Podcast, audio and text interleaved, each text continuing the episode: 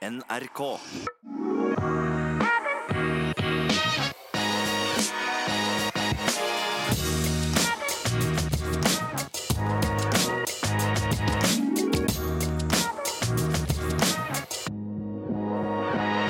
Godt nytt eh, treningsår, kjære lytter. Velkommen til eh, podkasten I det lange løp her på NRKs plattform, eller hvor enn du eh, lytter til podkast. Vi har kommet oss til eh, 2020, ikke verst bare det. Jeg befinner meg i eh, Tobla i eh, Italia, Nord-Italia, Syd-Tirol. Her er det Tour de Ski for tiden, så jeg er litt opptatt med det. Men min kjære podkastmakker Christian Ulriksen, han har jo dratt til Kenya siden sist. Jeg har faktisk ikke snakket med han. Vi skal snart prøve å kalle han opp. Det blir spennende, for det, det nettet nede i Kenya der er litt variabelt. Men det er jo ikke det første vi har hørt fra Christian i Kenya. Selv om jeg ikke har snakket med han, så tok jo NRKs Afrikakorrespondent en liten tur til eh, Christian der nede. Og vi har fått tak i den eh, radioreportasjen der. Vi kan bare høre på, på den med en gang. Han har tatt turen fra Nordpolen til det afrikanske landsbygda.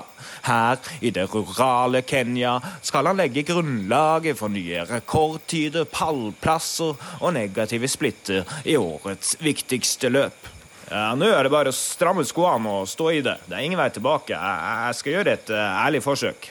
Eton, denne lille byen hvor en fjerdedel av innbyggerne, ca. 1000 i tallet, satser løping på heltid. Lettbente gaseller ses løpende til alle døgnets tider. I dette miljøet skal Christian Ulriksen ta det siste steget fra en middelmådig fotballspiller til en middelmådig eliteløper koste hva det koste vil. Det er klart at med Sondre og Renato i mitt hjørne, så, så synker oddsen, men det, det, kan være at jeg ryker i vifta. Time will show. Ulriksen, denne tidligere pokerspilleren med det umettelige konkurransebehovet, står og stirrer utover den store Riftdalen uten å vite hva fremtiden bringer. Men han er villig til å ofre alt for å løpe så fort som overhodet mulig. Asbjørn Kristiansen, Eton, Kenya. Ja, det var korrespondentene. Eh, det ga oss ikke all verden til info, eh, men det var jo artig at han har tatt turen eh, opp i løpeland. Jeg tror vi får prøve å kalle opp Christian sjæl. Skal vi få svar på litt mer av hva han der driver der med det? Skal vi se. Christian, Eton, Kenya. Can you read me? Ja, nå har vi fått kommet oss ovenpå her og fått opprett ja, fått oss et kenyansk SIM-kort og kommet oss på eh, kenyansk 4G. Så nå er det jo like god dekning her som det er midt nede på Aker Brygge. Ja, det er lovende. Så får vi se hvor eh, god kontakt det er mellom Italia og Kenya. Hvordan går det med det? Nei, det går bra. Vi har eh, kommet oss som smått i gang på trening. Tok jo ei uke skikkelig av her før jeg reiste. Jeg trente to av syv dager, så det var vel den uka i 2019 med minst trening. Så eh, håper å kunne trene bra her nede i sju uker og eh, ankomme Barcelona i bedre forfatning enn vi dro til Kenya i. Hvordan var det å komme til denne forjettede lille byen? 4000 innbyggere omtrent, 1000 satser løping på heltid. Du tok en bil opp fra flyplassen i Eldoret der og så noe blikkskur og noe folk langs veien og noe dyr og noe Det var ikke helt som Aker Brygge, det, da? Nei, det er jo enkle forhold, men hvis folk har vært i Finnmark, så er det akkurat likens, bare at det er litt høyere her, og så er det litt ja, litt andre folk og litt annet miljø, men det, det ser likens ut. Det er enkle forhold, men det holder i massevis. Hvordan har dere innlosjert dere? Nei, vi bor her på en camp som heter Carry of You, da. En uh, belgier, Jean-Paul, en jeg vil anta han er en 60-65 år, som etter at Renato var trener for Qatar de årene der, så bygde de opp den campen her. Og så har han, jeg tror han både eier og, og drifter det, da. Så er vel en 40 rom her, kanskje. Og så er det jo for vår del da et, et singelrom her med faktisk en overraskende bra seng. Står opp om morgenen, så er det stabilt vær, og ja Det er bare å kle på seg skoene og komme seg ut og få trent.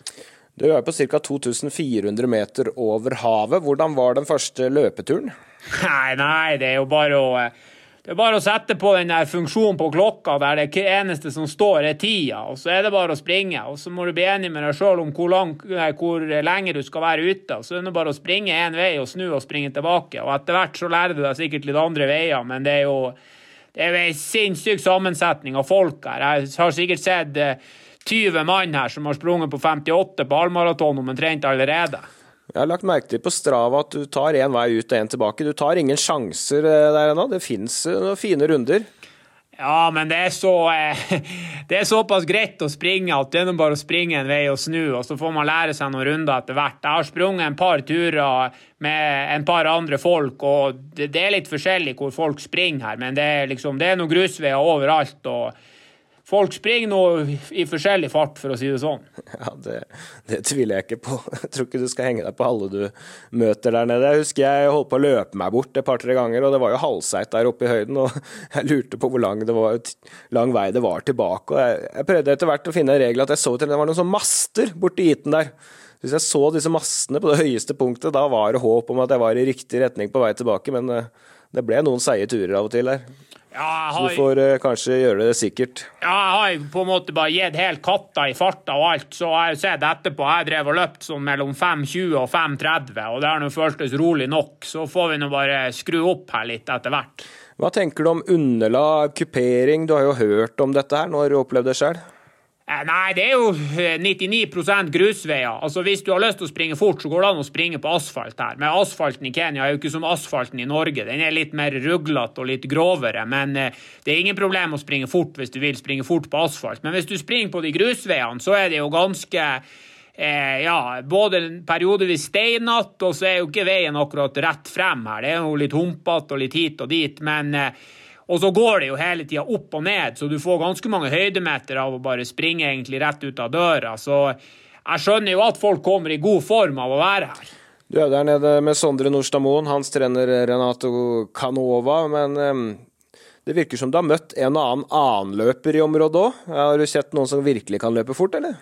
Ja, på første turen der så var jeg ute og sprang 50 eh, minutter, og så er det ca. fem minutter eller ti minutter fra hotellet og så på en måte opp til en hovedvei. Så når jeg kom tilbake der, så møtte jeg faktisk på han Jake Robertson, da. han er en av de der New Zealand-tvillingene. Så siste ti minuttene der vi vi sprang bare ned til der mitt hotell er, da, eller campen, og så bor han eh, rett attmed. Så da sprang jeg siste ti minuttene. Han, han, hadde vært ute og sprunget noe moderat, så han jogga bare liksom la med meg. Og da sprang vi nå på 5.20-fart. Men eh, det er ikke noe problem å finne folk her som kan springe. De er overalt. Ja, Det tviler jeg ikke på. Eh, Jake Robertson, som du møtte, da, en av to tvillinger fra New Zealand som 17 år gammel, flyttet til nettopp Kenya hadde eh, billett over, hadde en returbillett som de etter hvert eh, kansellerte, og har egentlig vært i Afrika siden. Eh, tvillingbroren Zain er vel i Etiopia for øyeblikket. Jake har jo forlovet, jeg er ikke sikker på om han er gift ennå, med, en kenyansk løper. Så der har du iallfall en mann som kan fortelle deg alt om å komme til Kenya.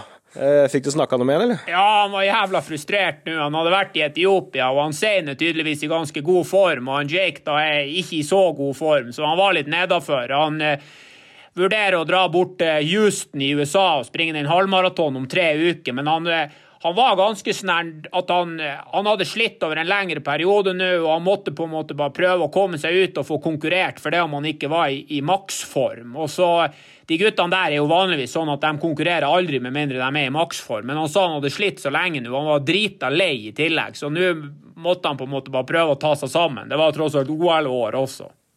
ja, det er mange som sikter mot eh, OL i år. Han er sikkert blant dem. Du, vi går til lytterne lytternes spør, vi. Nå har du endelig muligheten. Det er ikke vits å brenne inne med noen spørsmål. Hva i Guds navn er det du lurer på? Vi har fått inn en del spørsmål her på NRK i det lange lo på Instagram, hvor vi stadig spør etter uh, spørsmål. Uh, spørsmål 1. Tor Olav Åkre spør hvordan takler en fra Nordpolen varmen i Kenya? Må du drikke mer enn vanlig?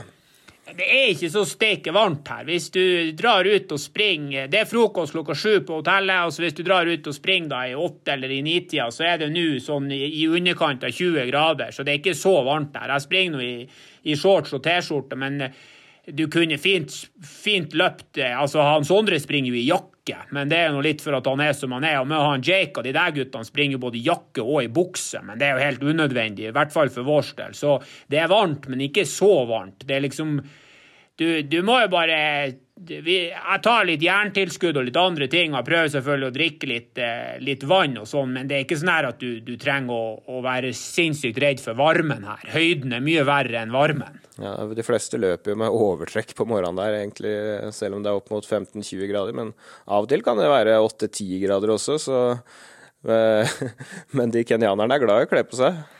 Ja da, det er ikke Jeg møtte på en gjeng her i går som var på den der tirsdagsfartsleken. Og det er sånn du, Når fartsleken starter, så har folk på seg svære jakker og genser. Men når fartsleken avsluttes, så springes det i singlet. Så det går fortere og fortere. Ja, det er, det er, bra når de drar på litt. Eh, du må huske å drikke litt mer vann enn vanlig med tanke på høyden, da. Eh, selv om ikke varmen er skillet. Eh, nytt spørsmål her.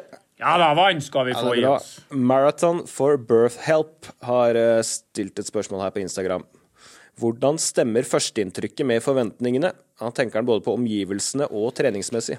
Nei, det er jo vanskelig å egentlig å si med forventningen, for forventningen er jo egentlig bare det du har sett på YouTube og det du har fått fortalt. Men eh, jeg må ærlig innrømme at hvis jeg hadde vært 18 år og sprunget på 14,30 og kommet fra Norge og tenkt at jeg skulle gjøre et ordentlig forsøk på å finne ut hvor god jeg kan bli, så hadde jeg ikke, da hadde jeg ikke vært en dag i Norge fra januar til eh, slutten av april. Da hadde jeg dratt ned hit, bodd helt greit, fått servert bra mat, og så hadde jeg bare trent i tre-fire måneder. For treningsforholdene her er 100 optimale. Hvis du vil springe på ei tredemølle, så finnes det mølle her òg. Eh, en ting er at det er høyt og at du får bra effekt av det. Det andre er jo alle tingene som er rundt her. Altså, du kan, du kan springe på trening med de beste folkene i verden hver dag, bare du har lyst til det. Og det tror jeg har mer å si enn folk er egentlig klar over. Ja, vi tar et spørsmål som går på akkurat det fra Andreas Grøgaard. Han er inne på dette med å trene alene eller i gruppe. Noen jakter best andre som ensom ulv, står det her. Hvilke tanker gjør du deg rundt det for egen del når du er der? Nei, Nå har jeg jo trent i fire dager, og jeg har sprunget to turer sammen med de der eh, for så vidt guttene og de jentene som er fra Team Israel. Det betyr jo hun Lona, eh, ja, Salpeter, og så er det tre gutter her. Han ene gutten har løpt på 2,08, han andre på 2,13, og han siste skal springe nå i, i Sevilla, ta OL-kravet. og de springer på Når jeg sprang med dem, så hadde vi 5,20 i snitt, og vi var ute i 50 minutter. Så det finnes sinnssykt gode folk her som springer ekstremt sakte òg når de skal ta det rolig. Det virker som om den her roligfarta, den er egentlig bare en, en, følelse, uavhengig av hvor gode folk er. Som sagt så sprang jeg sammen med Jake òg, han så nå aldri på klokka, han heller. Salpeter der har vel 2,19 på maraton og er en medaljekandidat. i ja, 30.05 på 10 000 gater, så hun er jo svingod. Medalje i EM osv., så, videre, så det er jo bra. For det Marius Vedvik er inne på her, om du får noe matching der oppe, det høres ut som det er mulighet for her, da. Ja, hun, de der Israel-guttene skal reise ned nå, og så skal de springe en halvmaraton i Israel. Og så kommer de tilbake igjen, og så skal de springe maraton i Sevilla i februar. Hun Lona Salpeter da, hun skal springe den 10 km gateløpet som går i Valencia 12. Så når hun kommer tilbake igjen hit etter det løpet, så tenker jeg kanskje å prøve å trene litt sammen med henne, eller være med på deler av hennes eh, trening. Mest sannsynlig så skal hun til Tokyo og springe maraton i mars, så eh, forhåpentligvis kan jeg være med på noe av det hun gjør. Kåre Sørensen han spør hvor mange kilometer du tenker å løpe per uke, og hvilken intensitet du tenker å legge deg på sammenlignet med normalen i lavlandet? Nei, altså, Hvis det er én ting jeg har tenkt å gjøre denne gangen, så er det i hvert fall å trene rolig i starten, sånn at jeg kommer inn i det på en OK måte. Jeg tror jo at hvis du springer rolig, så kan du sikkert fint springe to timer hver dag og fint eh, overleve. Spørsmålet er hvordan kroppen blir når du skal begynne å springe litt, eh, litt tøffere økter. men eh, jeg prøver egentlig å la være å tenke på kilometer og heller tenke mer på, på minutter og timer. Og jeg tenker jo å springe mellom ja, prøv å springe to ganger om dagen og springe mellom en og en halv og to timer, og så fordele det litt. Eh, av og til springe litt lengre på morgenen og av og til ja, 45 minutter på begge øktene. Men prøve å få trent bra og få trent fornuftig og la høyden på en måte gjøre jobben. Jeg tror jo at eh, jeg blir å føle meg ganske mye bedre etter tre uker enn jeg gjør nå. Det får vi håpe. Eh, Henrik Nikolaisen er inne på noe interessant her, for dette med Kenya, det De har jo fått et litt dårlig rykte de siste årene. Det er jo en 50-60-70 løpere som er tatt for doping, så han lurer rett og slett på hva tenker du om at du nå befinner deg i et av de mest dopingbefengte områdene i verden? For å være helt ærlig, så når det kommer til doping, så er jeg av den oppfatning av at dem som er tatt, dem er dopa, og dem som er rein, dem er rein. Og det tenker jeg egentlig om det meste her i verden. Og så har jeg nå reist rundt både i Amsterdam og i andre plasser av, av verden der det er fullt av annen type narkotika. Men jeg har nå vært nå tre-fire ganger inn i Eton sentrum. Det er jo ikke sånn at folk står og selger EPO på veien her. Og jeg skjønner jo at masse kenyanere er dopa, men eh, Altså, folk jukser alt mulig i livet, og at folk fra Kenya jukser, det vet vi.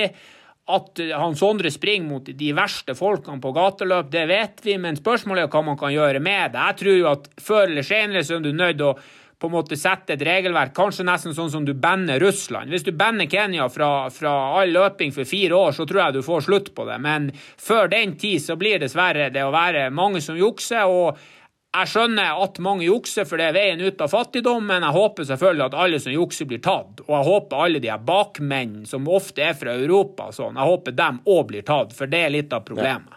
Ja. Foreløpig har du ikke sett noe mistenkelig? Foreløpig så har jeg ikke sett noe annet enn en kenyansk landsby og en helt sinnssyk mengde med mennesker som springer. Ellers så ser du unger og noe kyr, og så ser du litt turister som er her for å se på. Ja, jeg tror det kommer til å fortsette sånn. Med mindre du oppsøker det greiene der, så tror jeg ikke du ser noen verdens ting til det. Det er jo som å være på landsbygda i Norge egentlig en, en 60-70 år tilbake i tid. Folk går med treplog bak kyrne liksom på jordet. Det er, det er litt annen verden. Ja, ja, og så er det jo vanlige folk her. Jeg møtte på Anna Emilie Møller og de der danskene nå i morges. var var sprang, altså. Det er jo ikke sånn at de eneste som er her nede, er her for å jukse. og Altså, man kan ville og gjøre så mye med det der dopinggreia, men altså, det er ikke Det er liksom Hva skal du gjøre med alt? Du kan dra til Wall Street og så bruke halve verden narkotika der òg, liksom. Det Problemet er overalt. Du, vi går eh, videre til det som er hoveddelen av eh, dagens podkast. Det er jo det er jo vært nyttår nå, og da er det jo typisk i, i media så er det liksom Slik kommer du i form, slik blir du lettere, slik blir du bla, bla, bla. Masse tips. Eh, men vi skal innom en fyr i dag som ja, Det virker jo nesten som han har funnet ungdomskilden. Altså. Han må ha funnet på noe lurt. Anders Aukland, 47 år. Fortsatt kan han kjempe i toppen i, i, langløp. Det viste han hele forrige vinter. Var jo med å vinne prologen med sitt team Ragde nå i, i Ski Classics også. Imponerende han holder nivå i den alderen uh, han tross alt har. Og jeg vet han har endret mye på treninga eh, med tanke på eh, ting og tang, eh, sammenlignet med da han tok en håndfull verdenscupseire. Han har OL-gull i stafett, VM-gull i stafett, sølv individuelt i, i, VM. Han har gjort mange forandringer siden den gang. Det har vært litt spennende å, å høre hvordan han har endret ting, for her tror jeg vi kan lære litt, Christian. Ja, jeg har vært så heldig å møte på Anders Aukland i flere sammenhenger. Både i forbindelse med arbeidsgiver, som også sponser det langløpslaget deres, og, og, tidligere når jeg var en del av med de her Nygård-guttene på, på, langløp. Og han Anders Aukland er jo et unikum. og det er klart Han har vært profesjonell idrettsutøver etter eget utsagn siden 1987. Og da kan du bare begynne å regne hjem antall år, og så kan du skjønne at eh, kroppen går opp og ned. Du får år som er sinnssykt bra, og du får tunge år. Men hvordan han mannen der klarer å evne å motivere seg og, og tenke utvikling og hele tida har lyst til å bli bedre, det er jo ingenting annet enn imponerende. Så, så vet jeg jo at det er mange godt voksne lyttere òg, så det går kanskje an å, å plukke opp et og annet tips. For det om han Anders er en, en drøy utøver, så, så, tror jeg jo at noen av de tingene han er inne på i voksen alder, er overførbart til oss eh, vanlige folk òg. Ja, én ting er oss som pusher 40, og, og, de som pusher 50, liksom, at de har noe å lære. Men jeg tror vanlig eh, mosjonist, eh, supermosjonist, har noe å lære òg. For han, han, tenker kanskje litt mer som mosjonist fordi han trener litt mindre tid enn en før. Han har en familie han skal ta hensyn til, så han har gjort noen tilpasninger som kanskje også passer litt mer inn i en sånn supermosjonist-mosjonisthverdag òg. Så jeg tror egentlig alle har noe å lære av uh, Anders Haukeland. Jeg, jeg føler meg klar for å angripe disse skal vi si, temaene. Uh, spent på hva han bringer til bordet. Uh, så jeg tror rett og slett vi drar til Anders Haukeland og, og hører mer om hans treningshverdag før og nå.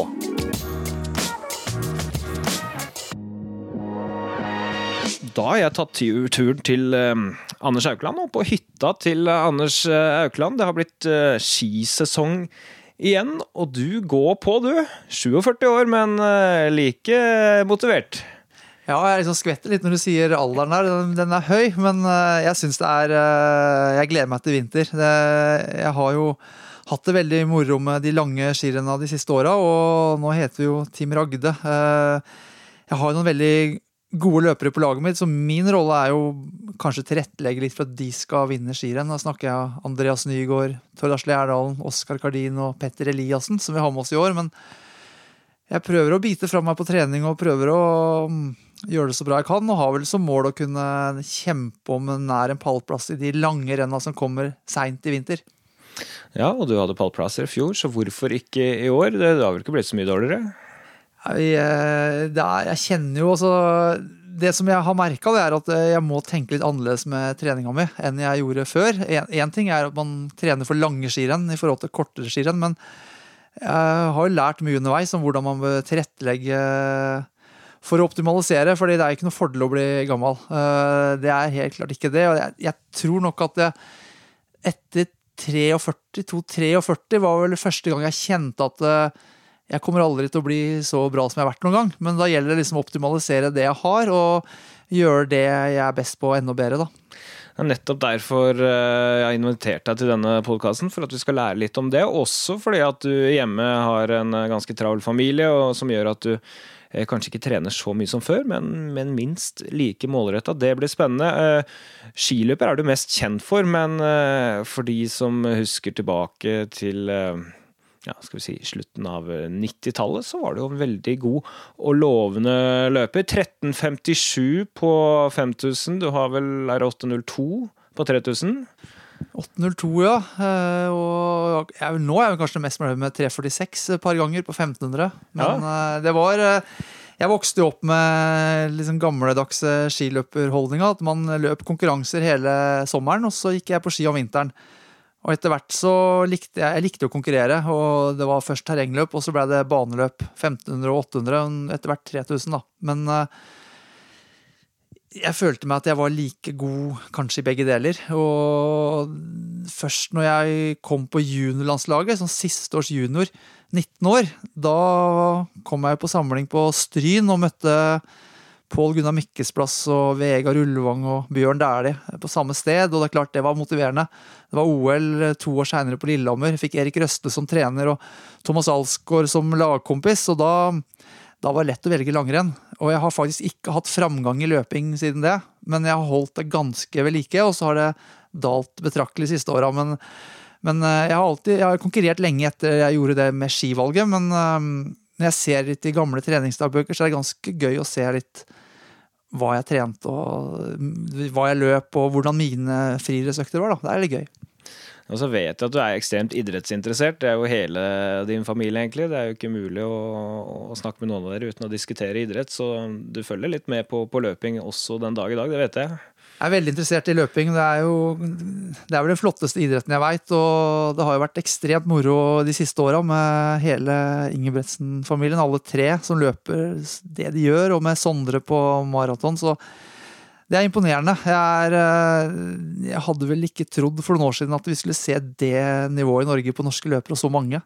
Så er, jeg syns det er så gøy, og jeg tror det kan inspirere andre som kommer bak. Nå håper jeg at vi kan inspirere noen til å holde trøkket oppe og, holde nivået oppe, selv om man uh, blir eldre enn 40 og man nærmer seg 50. og Vi har jo gode eksempler på Norge på veteranløpere som holder skyhøyt nivå uh, veldig, veldig, veldig lenge. og Vi kan jo starte litt på det, da, for her tror jeg du har litt å lære bort etter at du har trent så å si profesjonelt siden du var ja, 13-14 år, kanskje? Noe sånt? Ja, jeg har trent i mange år. Jeg har trent uh, både mye og hardt siden jeg var 13 år, tenker jeg. Men jeg har konkurrert i forskjellige idretter, men det har jo handla om kondisjonsidrett og samtidig opprettholdt mest mulig fart. Da. Så, og så har jeg forandra og lært underveis. Mm. 34 år, det, med solid trening. Det, det gir jo litt erfaring.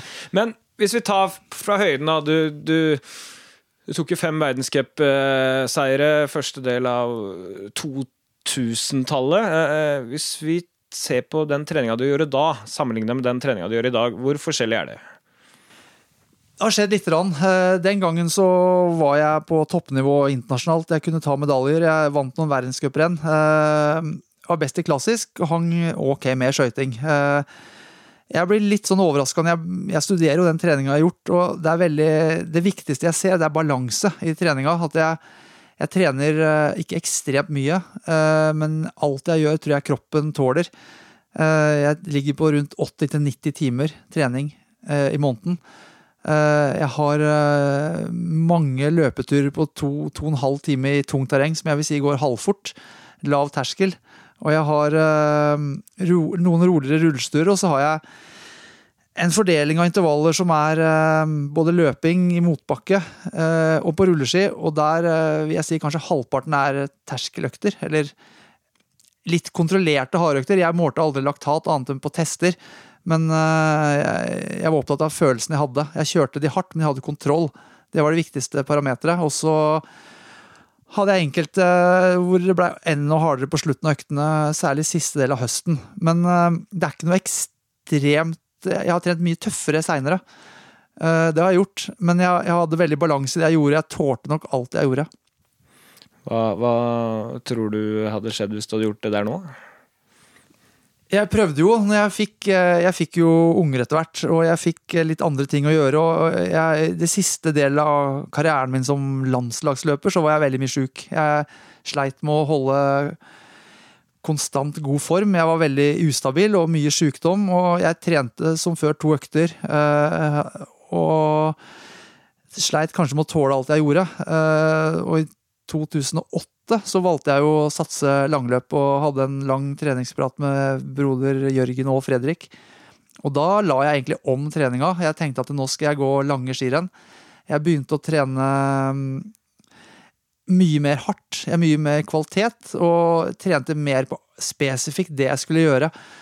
Og det var jo harde langturer med intervall underveis og intervall på slutten. Eh, Og da ble jeg ganske ivrig og trente ganske hardt.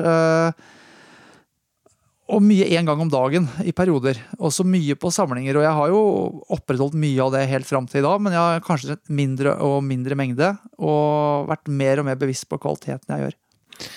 Eh, Hva ligger du på av mengde nå? Du snakka om 80-90 timer i uka kanskje, når du var på det, på det råeste i vanlig langrenn, da?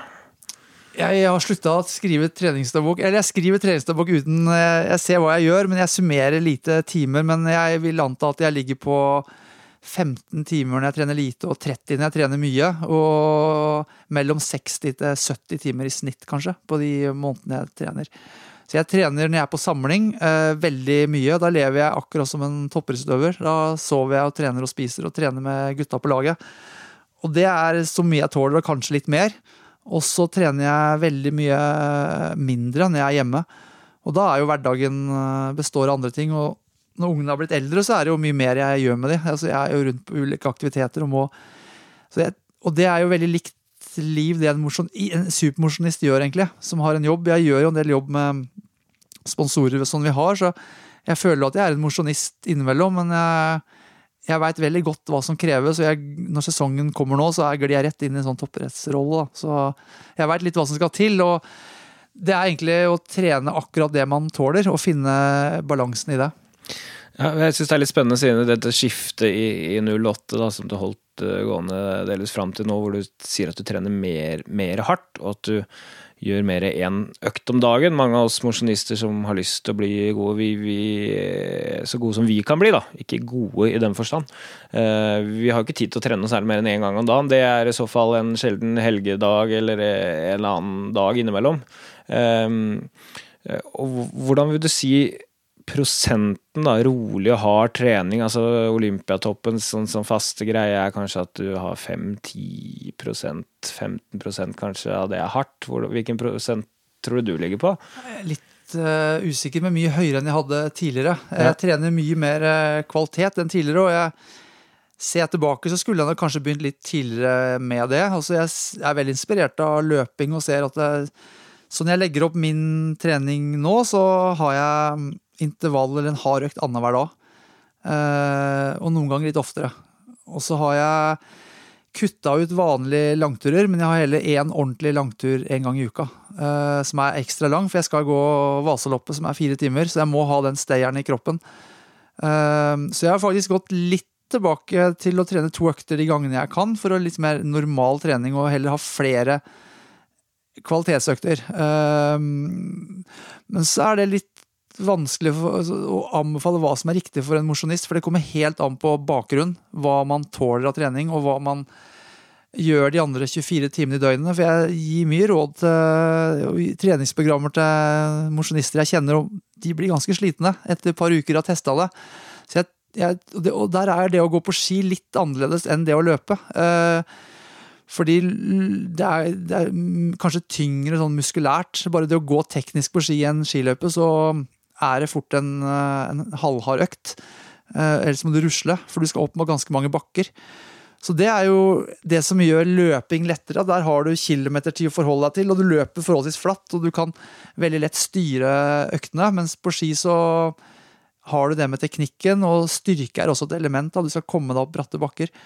Så det blir fort eh, ganske mye hardt for en mosjonist. Hvis, hvis, jeg pusher litt på det, så Men eh, sånn prosentdelen min eh, vil jeg anta at det er eh, i hvert fall 20% som er ganske så mye hardt. Ja.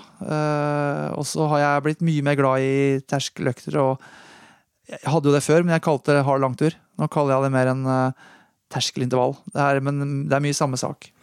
Men ligger de da i de 20% eller er det oppå det igjen? Uh, jeg har nok det i tillegg. Uh, ja. Det har jeg. Ja. Så, og da begynner prosenten å bli ganske høy? ja, det gjør, nok det. det gjør nok det. også. Så det er litt annerledes enn jeg gjorde før, men um, Det er jo interessant, for man skulle kanskje tenke at når man blir eldre, så øker restitusjonstiden. Og du har mm. egentlig økt andelen av harde økter. Og da er jo neste spørsmål hvor hardt er dette her? Hvordan tenker du rundt intensitet? Det jeg tenker rundt uh, intensitet, det er at uh, de kontrollerte hardøktene mine da uh, Jeg har jo en laktatmåler, jeg bruker den lite grann. men jeg går mye på følelse. At jeg føler at det her er en fart jeg fint kan gå i godt over en time uten å ha veldig ubehag. Det er en fart som ofte er en transportfart i type et Marcelonga. Og det er typisk seks ganger åtte minutter med ett minutts pause. Det kan være tre 20-minuttere på skiergen med noen korte drag underveis. Uh, og i pulsmessig så ligger jeg da gjerne rundt 155-160 i puls, og jeg har 180 maks. Ja. Så prosenten da vil fort være litt under 90% 85 mm, Men uh, de øktene jeg føler er viktige for O2 og toppkapasiteten, de ligger gjerne 90% av, av maks. Og da er jeg litt over det som måles på terskel, men eh, jeg føler òg jeg kan gå i den farta en time. En, en, sånn halvhard økt. da. Jeg har veldig mange intervaller jeg avslutter i den farta. så Mottoet mitt er liksom høyest mulig puls, eh, minst mulig syre. Altså bygge opp en fin økt. Men det er ganske stor varighet på, på, en del av de øktene du forteller om her, da, i, i antall minutter. Hvordan, hvordan føler du restitusjonsbiten er etter de? Uh, dårligere enn før. Uh, det er den. Uh, så, så, jeg har vel egentlig tenkt at det er viktig for meg å ha de øktene som gjør meg bedre, og det er i kvalitetsøktene. Jeg har så mange timer med langtur i kroppen. Og mye langturer mener jeg for at du bygger jo kapillærsystemer, og det tror jeg ligger ganske latent i muskulaturen min etter 35 år med mye trening. Og jeg har men de lange turene er jo to ting tilfelle Det herder jo muskulaturen for ikke få krampe og ikke sprekke, noe som du kjenner godt fra maraton. Ja, det samme det gjør jeg jo med armene. Altså Jeg må stå stake lange turer, eh, og jeg kjører rykk underveis. Jeg staker i motbakker. Og det, at jeg er masse hangups. Altså det er øvelser jeg gjør for å, å, å, muskulært ikke knekke sammen. Og det er veldig ferskvare. Eh, jeg var ute en tur med Simen Østensen som slutta å gå på rulleski for to måneder siden. og Han kjenner nå hvor svak han har blitt. Samme sier Jørgen. Men den fysiske formen og løping på mølle går like bra. Så ferskvare, det er staking, men, men øh, ja, så er det jo viktig å ha langtur òg, det med fettforbrenning. Det er kanskje den stayeren, for at det, det å kanskje unngå å gå tom. Når du skal konkurrere i fire timer, tre timer som Marcelonga Vasan her, så, så er det litt eh, lurt å ha vært innom det en del, og kanskje kjøre noen raske drag på slutten. Så jeg har egentlig kaller de harde langturene mine mer en kvalitetsøkt. eh, Det er en langtur. Fort, eh, og sånn er det den dag i dag, at du alltid har innslag av et eller annet i den langturen når du Ikke nær, nærmer deg? Eh, noen ganger, men mindre enn før. For jeg blei veldig ivrig da i 08-09, og vi, eh, Fredrik inspirerte oss litt, og vi hadde Daniel Tinell og Jerry Alin som sånne harde motstandere. og det jeg tror det ble litt for tøft. Vi imiterte Vasaloppet litt for ofte på trening. Vi var sånn Vi gikk tre timer halvhardt, og så avslutta vi med 41 minutter all in. Ja. Med 30 sekunders pause, hvor vi prøvde å knekke hverandre på hvert drag. Og det var sånn det er litt sånn, Du kommer inn i en sånn modus du har i vaseloppet, men det er ikke sikkert du bør gjøre det for ofte på trening. Jeg har mye mer eh, tro på eh, litt mer opp, oppbyggelige intervalløkter, og heller kanskje tåle flere av de. Det hørtes veldig, veldig hardt ut, det der, da, når det går all, all out på slutten av de øktene. Hvor, hvor eh, Vi har jo snakket litt med Sondre Nordstad Moen eh, når vi har gjort podkaster tidligere, og han, han forteller jo om at det er ganske lang restitusjonstid etter den type økter hvor han løper hardt da, eh, og, og langt. Hvordan var det når dere gjorde de øktene der? Følte at du var Når var du tilbake og kunne kjøre en hardøkt igjen? Det, det tar noen dager. Altså, det er det som kanskje ikke er noe lurt da, med å kjøre for mye sånne økter, og heller holde seg på litt mer kontrollerte økter og ha, tåle flere av de. Så jeg tror det tar fort fire-fem dager før du er klar for å kjøre en ny hard økt og kanskje få noe igjen for det. Eh, og det er der vi jeg kanskje pusha strikken litt langt for noen år siden, hvor vi prøvde å trene overgå alt vi hadde gjort før, eh, og blei veldig ivrig og så at jeg, jeg tåler mer trening enn jeg trodde. Eh, så jeg har gått litt mer tilbake til å ha balanse i det jeg gjør, og hele tida ha overskudd. da. Og kanskje ikke være så opptatt av å fylle ukene eller månedene med et visst antall timer eller en viss mengde, men heller ha veldig god kontinuitet eh, i det jeg gjør. Og eh, for, for en mosjonist så er det sånn Veldig mange mosjonister de har Hva er egentlig målet? Noen har jo som mål å være i god, veldig god form og ha det gøy med å trene og konkurrere både på ski, sykkel og løping. Og Da må du trene variert. Og så er det noen som syns det er kjempegøy å ha et mål om å gå fortest mulig i Birken, eller løpe fortest mulig på f.eks. halv eller hel maraton. og da, da må du faktisk være veldig spesifikk da, i det du gjør, og du, da må du kanskje ikke kopiere en toppidrettsutøver som har en mye mer restitusjon, men du må ta elementer av det. Så må du ta de viktigste øktene, og ha flest mulig av de viktige øktene. Og kanskje kutte ned der du kan kutte, da, for, så du får hvilt mer. Ja, for Det du er inne på nå er jo litt interessant. En toppidrettsutøver er- som trener 13-14 økter i uka, er jo typisk tall. Og så skal du kjøre en kanskje 10-15% av det hardt. Da får du fortsatt tid til en to-tre hardøkter. Hvis du skal trene fem-seks ganger i uka da, som mosjonist og, og, og ha den samme prosenten hardt, så er det jo ikke så mye hardt du får kjørt i antall minutter i løpet av en uke. Så det er ikke sikkert at vi skal bare liksom ta halvparten av det en toppidrettsutøver gjør, da. Nei, jeg tror at man må tenke litt eh, hva man eh, skal bli bedre i. Om det er å gå på ski eller om man må løpe, og så må du være veldig spesifikk. eh, Og så må du kanskje trene flest mulig økter i nærheten av den, det du skal konkurrere på. Eh, At du må ha økter som du ligger litt over, litt under den farta som du kanskje løper på maraton, uten at jeg er noe ekspert på det. Men jeg veit jo at på typisk økter jeg ville gjort på ski, så ville jeg hatt ganske mange økter i den type Birken-farta di, da, eller den konkurransefarta. Så må du ha en del økter som er kortere, hvor du løper fortere. Og Så når du har en ettermiddag eller en kveld å trene på, så får du gjort mye på en time på en sånn økt. Og så kan du heller legge inn én ordentlig langtur lørdag og søndag, eller lørdag eller søndag når du har tid, istedenfor at alt blir en sånn um, bare en forminska kopi av en topprestøver, så må du heller gjøre de viktige øktene og ha litt færre så må, færre lange økter. Og så må du bruke de mulighetene man har. da. Eh, Det gjør jeg faktisk nå. når Jeg er, jeg er her hele jula og nyttår, f.eks. På Beito. Da går jeg veldig mye lange turer. Jeg legger inn noen sånne periodiseringer, noen sånne boost med mye mengde. Og så har jeg perioder med veldig mye hardt igjen. Eh, Det å, for en mosjonist å periodisere, så må du kanskje ikke periodisere etter det ideelle, men du må periodisere etter din annen hverdag. Og, og kunne gjøre det. Det tror jeg er viktig. Ja, for der skiller du seg litt fra mosjonister i tankegang fordi at du drar på samlinger. Eh, hvor du kan leve et mer normalt toppidrettsliv, og da blir jo det en form for periodisering.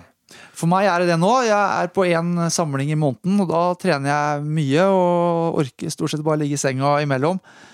Og når jeg kommer hjem da, så plutselig er jeg tilbake til et mosjonistliv, og, og, jeg har jo lagt til rette at jeg har mølle og skierg og styrkerom hjemme, og bruker eh, det aktivt. Og ser det at de hjelpemidlene skulle jeg hatt gjerne litt før, for de er veldig gode å ha. Og trene veldig mye på maskiner og bruke det. Også. Det er kjempebra. Og da kan du som mosjonist òg faktisk få trent veldig godt, altså. Hvis du har tilgang på sånn hjemme. Så um, For ski krever kanskje litt mer variert trening enn løping. Løping er enkelt, men hardt. Eh, ski, det består av Du må ha også litt styrke, og du må ha teknikk, og du må bevege deg ut på snø. Du kan ikke bare stå på en stakemaskin eller løpemølle. Du må beherske flere ting, og krever kanskje litt andre ting. og men det er, det er jo et interessant eh, moment, vi kan snakke litt løping, for du har bra greie på det, er jo at hvis man blir eldre, eh, så blir man kanskje litt skadeutsatt. Man kan kanskje ikke løpe så mye som man en gang gjorde, men man kan opprettholde kvaliteten eh, på nok økter i uka til at man tar vare på, på løpeformen. Men bør man da kanskje Det er iallfall en tanke jeg har hatt, jeg vet ikke om jeg har levd ut egentlig foreløpig Gå litt på rulleski, eh, løpe litt i vann, ellipse, svømme, gå på ski. Bygge volum på annen utholdenhetstrening, da. Ja, du vil kanskje mestre det å ikke bli så skada. Du får mer volum og du får kondisjon, så tror jeg det kan være positivt. Men samtidig tror jeg at hvis du skal løpe så fort eh, din kapasitet er på et maraton, så er du nødt til å herde beina veldig mye. Og du må Min følelse er jo mer man løper, jo mer tåler man. Altså er, man blir gjerne skada når du løper lite. Og jeg, du, du, må beherske det på en måte òg. Um, så det er uh,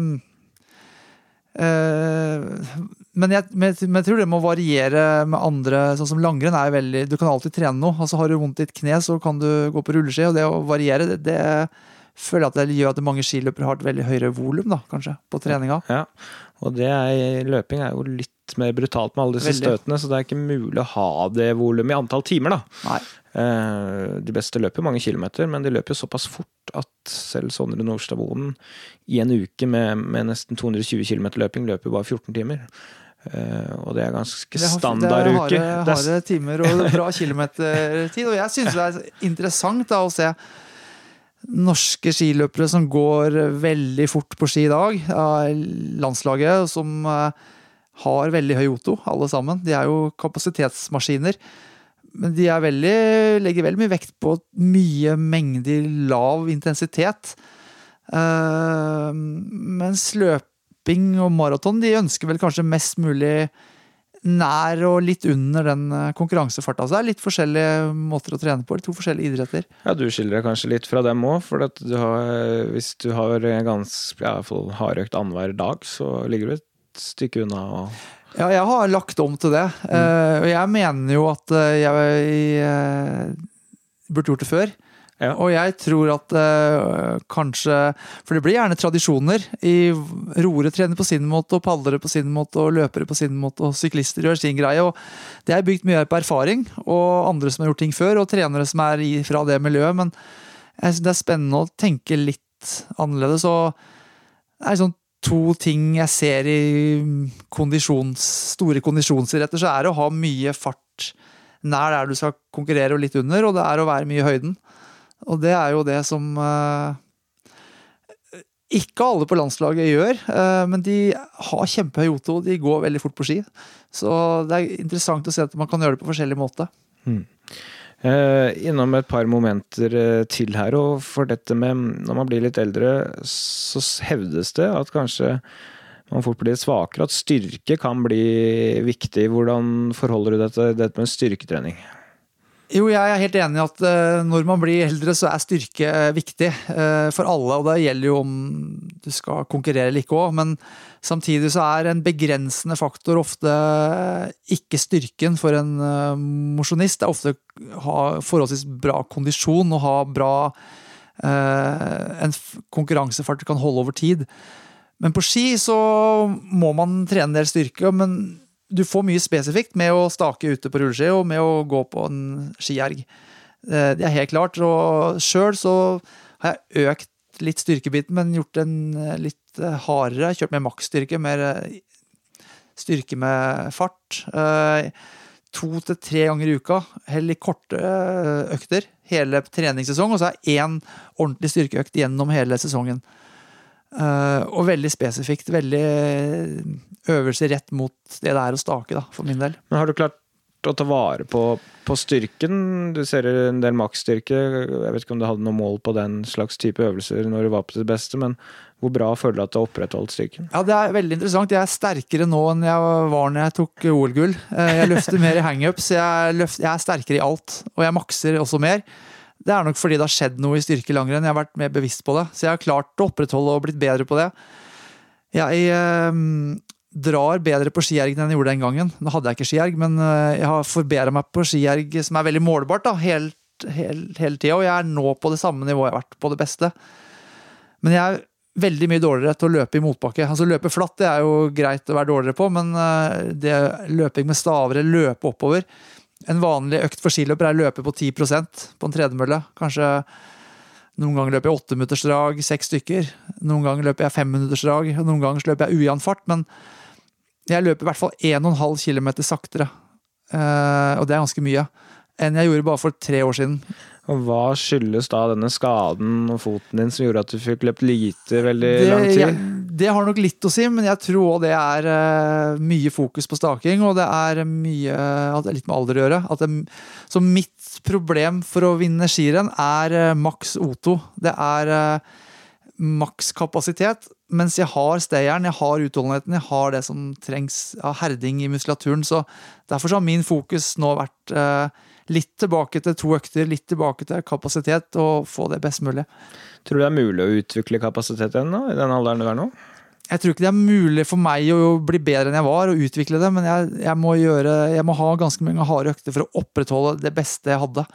Uh, så derfor er mitt fokus eh, litt tilbake til det. Eh, ja. Og da er jo et annet spørsmål, for det er jo ganske tøft å jobbe med kapasiteten. og Det var jo noen og 30 år vi fant ut at du hadde drevet med trening på høyt nivå. Hvordan i all verden klarer du å opprettholde motivasjonen til å gå ut og gjøre det der?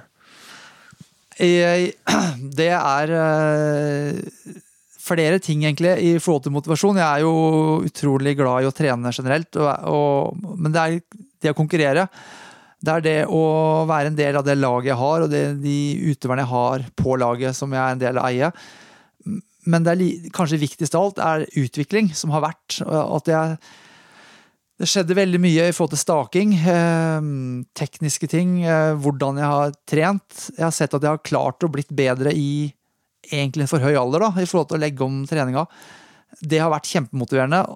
Og de siste åra så føler jeg jo at eh, jeg nyter hvert skirenn til jeg får gå. Eh, jeg er glad i å være på idrettsarrangementet, men det er faktisk morsommere å stå på startstreken enn å stå og se på. Jeg, Erling Evne som sa en gang at uh, det verste Det eneste som er verre enn å gå skirenn, er å ikke gå.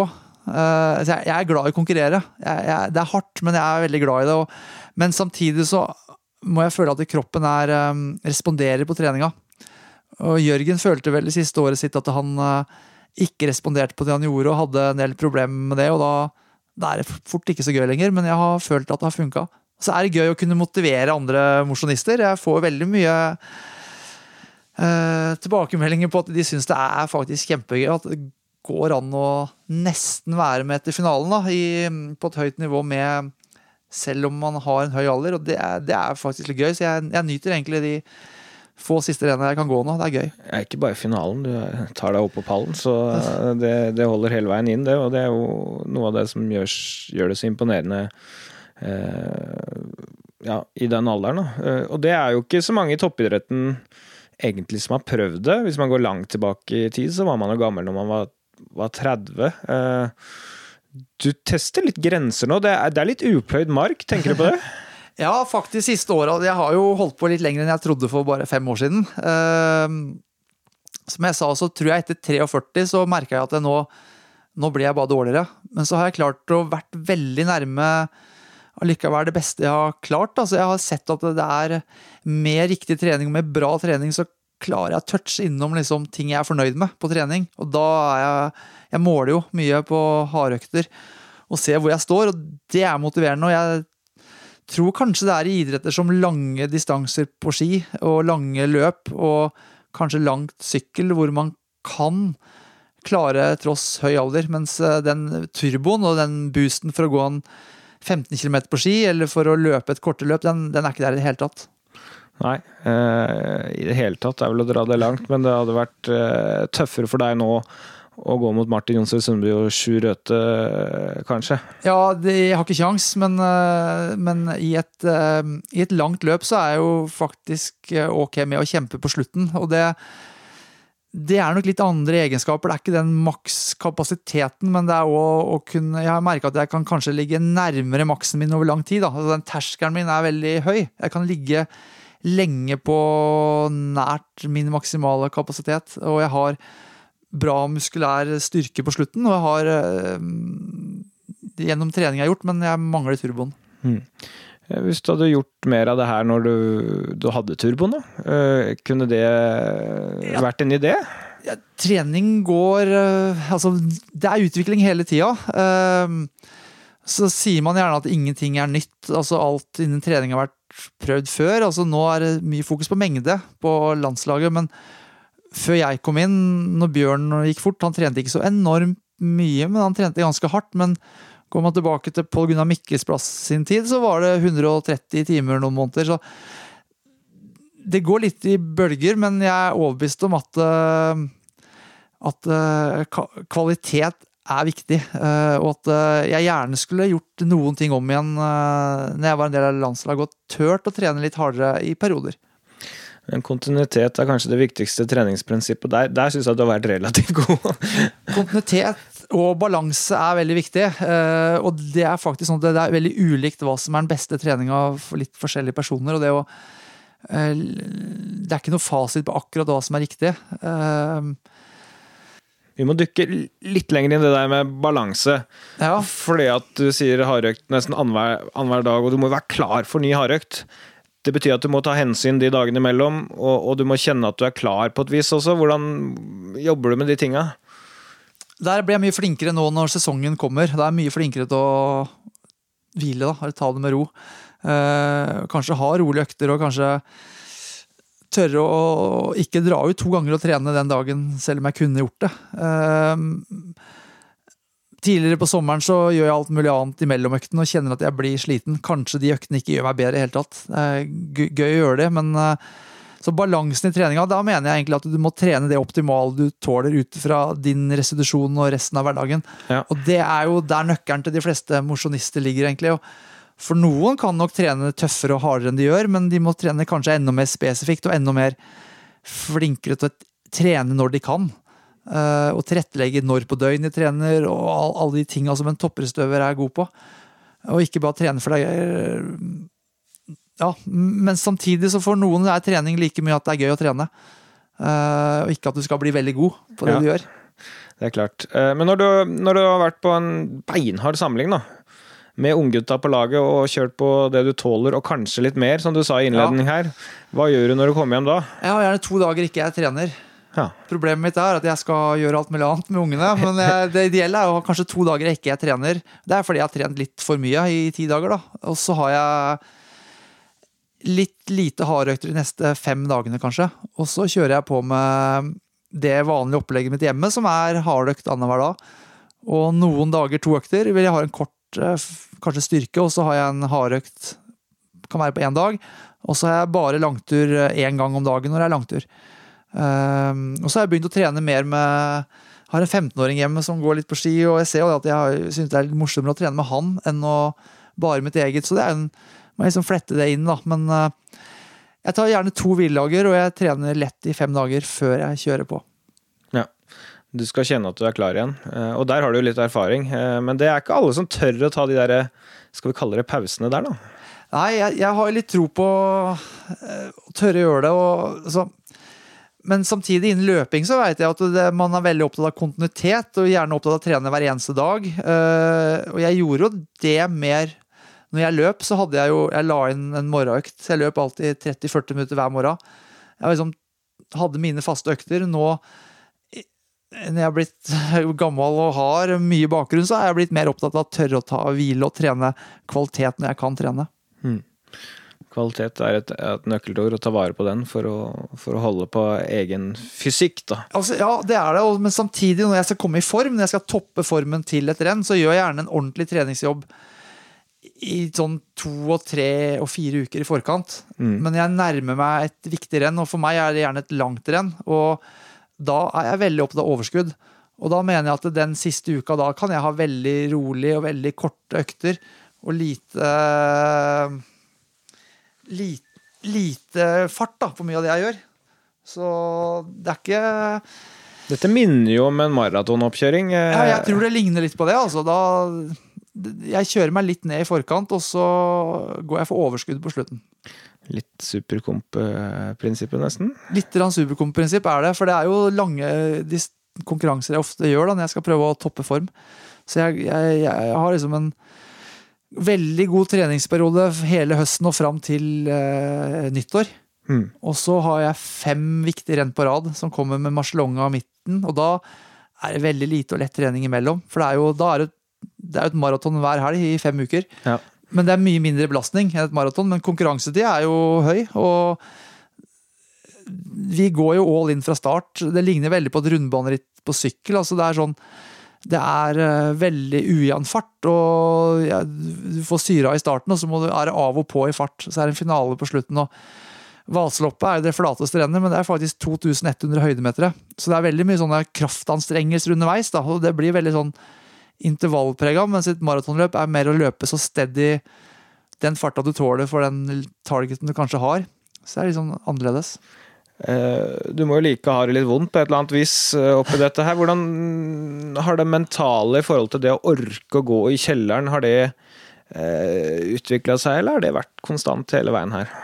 Jeg har veldig lik følelse å stå på startstrekk nå som jeg var ung, altså. Ja. Det er mye av det samme, og Magnar Dalen som er eh, Står på start sammen med oss og gir oss skia to minutter før vi stikker av gårde. Han, han liker å se på liksom den eh, Vi blir litt svarte i øya og får den der eh, nervøse følelsen. Det kommer inn i en sånn boble, og det er faktisk det jeg liker best med det jeg holder på med. da. Den der nervøse følelsen før konkurranser, eh, sammen med de andre på laget. Men jeg blir jo mye mindre nervøs enn før. Jeg må liksom prøve å bli nervøs for å komme i den der, få adrenalin og komme i den modusen. Det er liksom de store renna. Det er. Marcialonga, Vasan og Birken jeg må på for å liksom Ja. komme i den der bobla, da. Mens de mindre renna så er det litt sånn Det er faktisk litt vanskeligere enn før å gå i kjelleren. For, for å klare å gå i kjelleren så må du ha bygd opp en sånn nervøsitet, en spenning, en sånn adrenalin. da. Og det er eh, de store renna. Eh, Kanskje du skulle prøve å løpe maraton? Da kan du bare løpe to-tre i året. Da blir du halvspent hver gang. Da blir du nervøs. Ja. Maraton, jeg, jeg drømte jo om det når jeg var yngre. for jeg, Mitt talent var jo å løpe langt, selv om jeg konkurrerte mye på 1500, og 3000 og 5000 etter hvert. da, Men jeg hadde ingen liksom, eh, tanker om hva jeg kunne løpe, eller maraton. Men at jeg skulle løpe det, det tenkte jeg jo, men så Nå har jo liksom mine ambisjoner i løping blitt borte, men jeg syns det er utrolig gøy med de som eh, har den eh, entusiasmen og den gleden med maraton, for det er en rå distanse. Men du har ikke tenkt over, hvis du hadde valgt løping den gangen, hvor langt du kunne dratt det? Hva tror du? Det er umulig å si, men eh, jeg tror nok ikke jeg hadde vært idrettsutøver nå hvis jeg hadde valgt løping den gangen. Eh, jeg eh, var vel ganske nærme å følge litt den samme veien som en del før meg. Å dra til USA og studere og inn med sånn løpeuniversitet. Jeg var inne på tanken, og jeg hadde fort blitt kjørt ganske hardt der, tror jeg. Og, hva som hadde skjedd, veit jeg ikke, men når jeg løp de tidene jeg gjorde, da var jeg 19 år, og jeg trente mm, like mye ski som løping. Jeg hadde tre sånne nøkkeløkter som gjorde at jeg klarte det 8.02-fart. Og det var eh, Hele sommeren og våren så løp jeg. Jeg gikk bare på ski om vinteren. Og så når april kom, så begynte jeg å løpe. Da hadde jeg alltid jeg la inn 30-40 minutter på morgenen. Og da løp jeg gjerne stigningsløp, var kjempeviktig. Jeg måtte løpe 6-7 stigningsløp, nesten på hver økt, for å få fart i beina. Og så langturer, det var vanlige rulleskiturer eller eh, løping i skauen med skiløpere. Mengde også, og halvhardt noe av det. Og så hadde jeg to intervalløkter jeg løp. Enten så løper jeg 8000 meter på tre blank til 3.10 på grusvei. Ett minutts pause. Eller så løper jeg 15 eller 12 400 meter på banen på 64-65 med 30-40 sekunders jogg. Det, var, det var det jeg gjorde i løping, og resten var skitrening. Og jeg kom på de tidene på det, men jeg var aldri inne på noe sånn steady løping, 10 km-løping, eh, langdistanse, men det hadde vært gøy å prøve. Ja, for det høres litt ut som skiløpermåten å gjøre løpetrening på. Det var, det var egentlig det, altså, men øh, jeg syns at det, for meg var det viktig å få fart. Øh, Ja. Jeg løp liksom for å vinne, vinne løp, da, så jeg var veldig opptatt av å løpe fort på 1500. Men, øh, men klart maraton er helt andre ting som kreves, og det går på muskulære ting. Og, så det, jeg var aldri i nærheten av å prøve på det.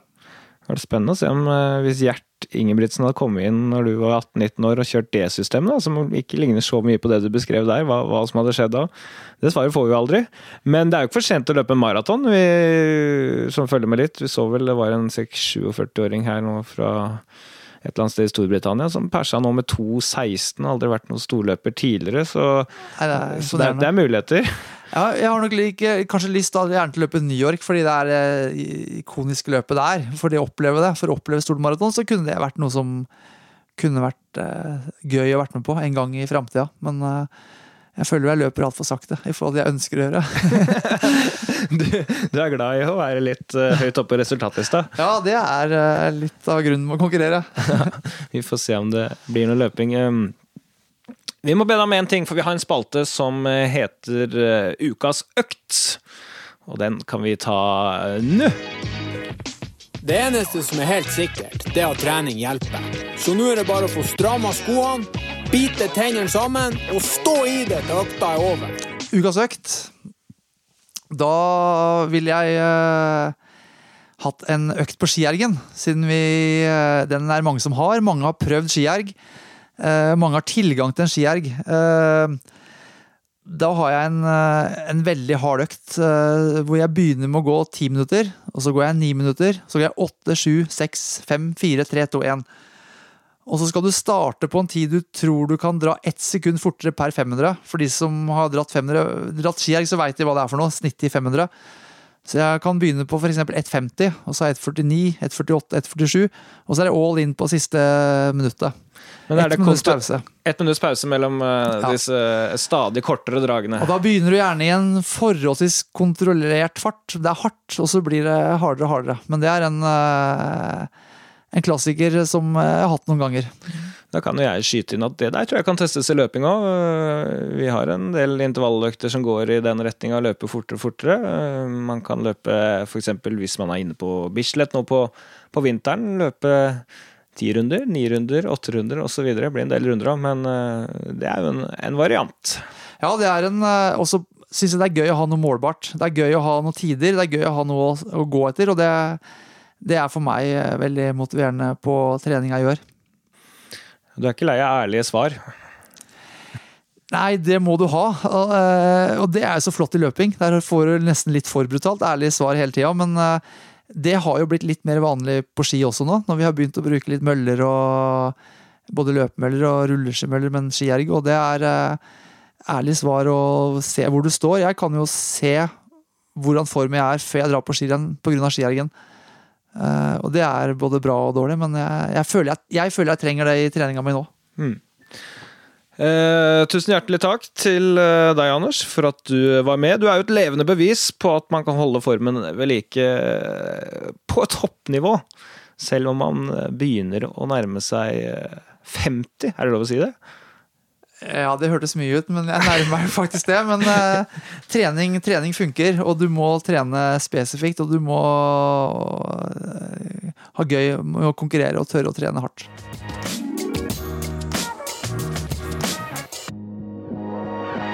Det var Anders Aukland. Utrolig imponerende hva han eh, får til, og han har tenkt å holde det gående i flere år.